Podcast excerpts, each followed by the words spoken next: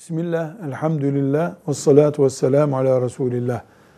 Engelli insanın evlenmesi caiz midir soruluyor. Bir kere engelliyi takip eden doktor evlenebilir. Engeli açısından bir sıkıntı yok demelidir. Bir.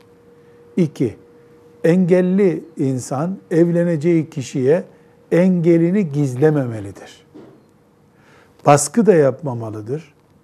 Zenginliğini, siyasi gücünü veya bir gerekçeyi baskı unsuru da yapıp kullanmamalıdır.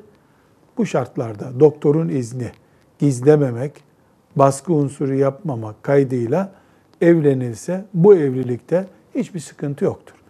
Engelliliğinden dolayı çocuğu olmayacaktır vesaire. Öbür taraf yani evleneceği ikinci taraf bu bunları, bu durumu, bu engeli kabul ediyorsa evliliğin din açısından bir sakıncası olmaz. Velhamdülillahi Rabbil Alemin.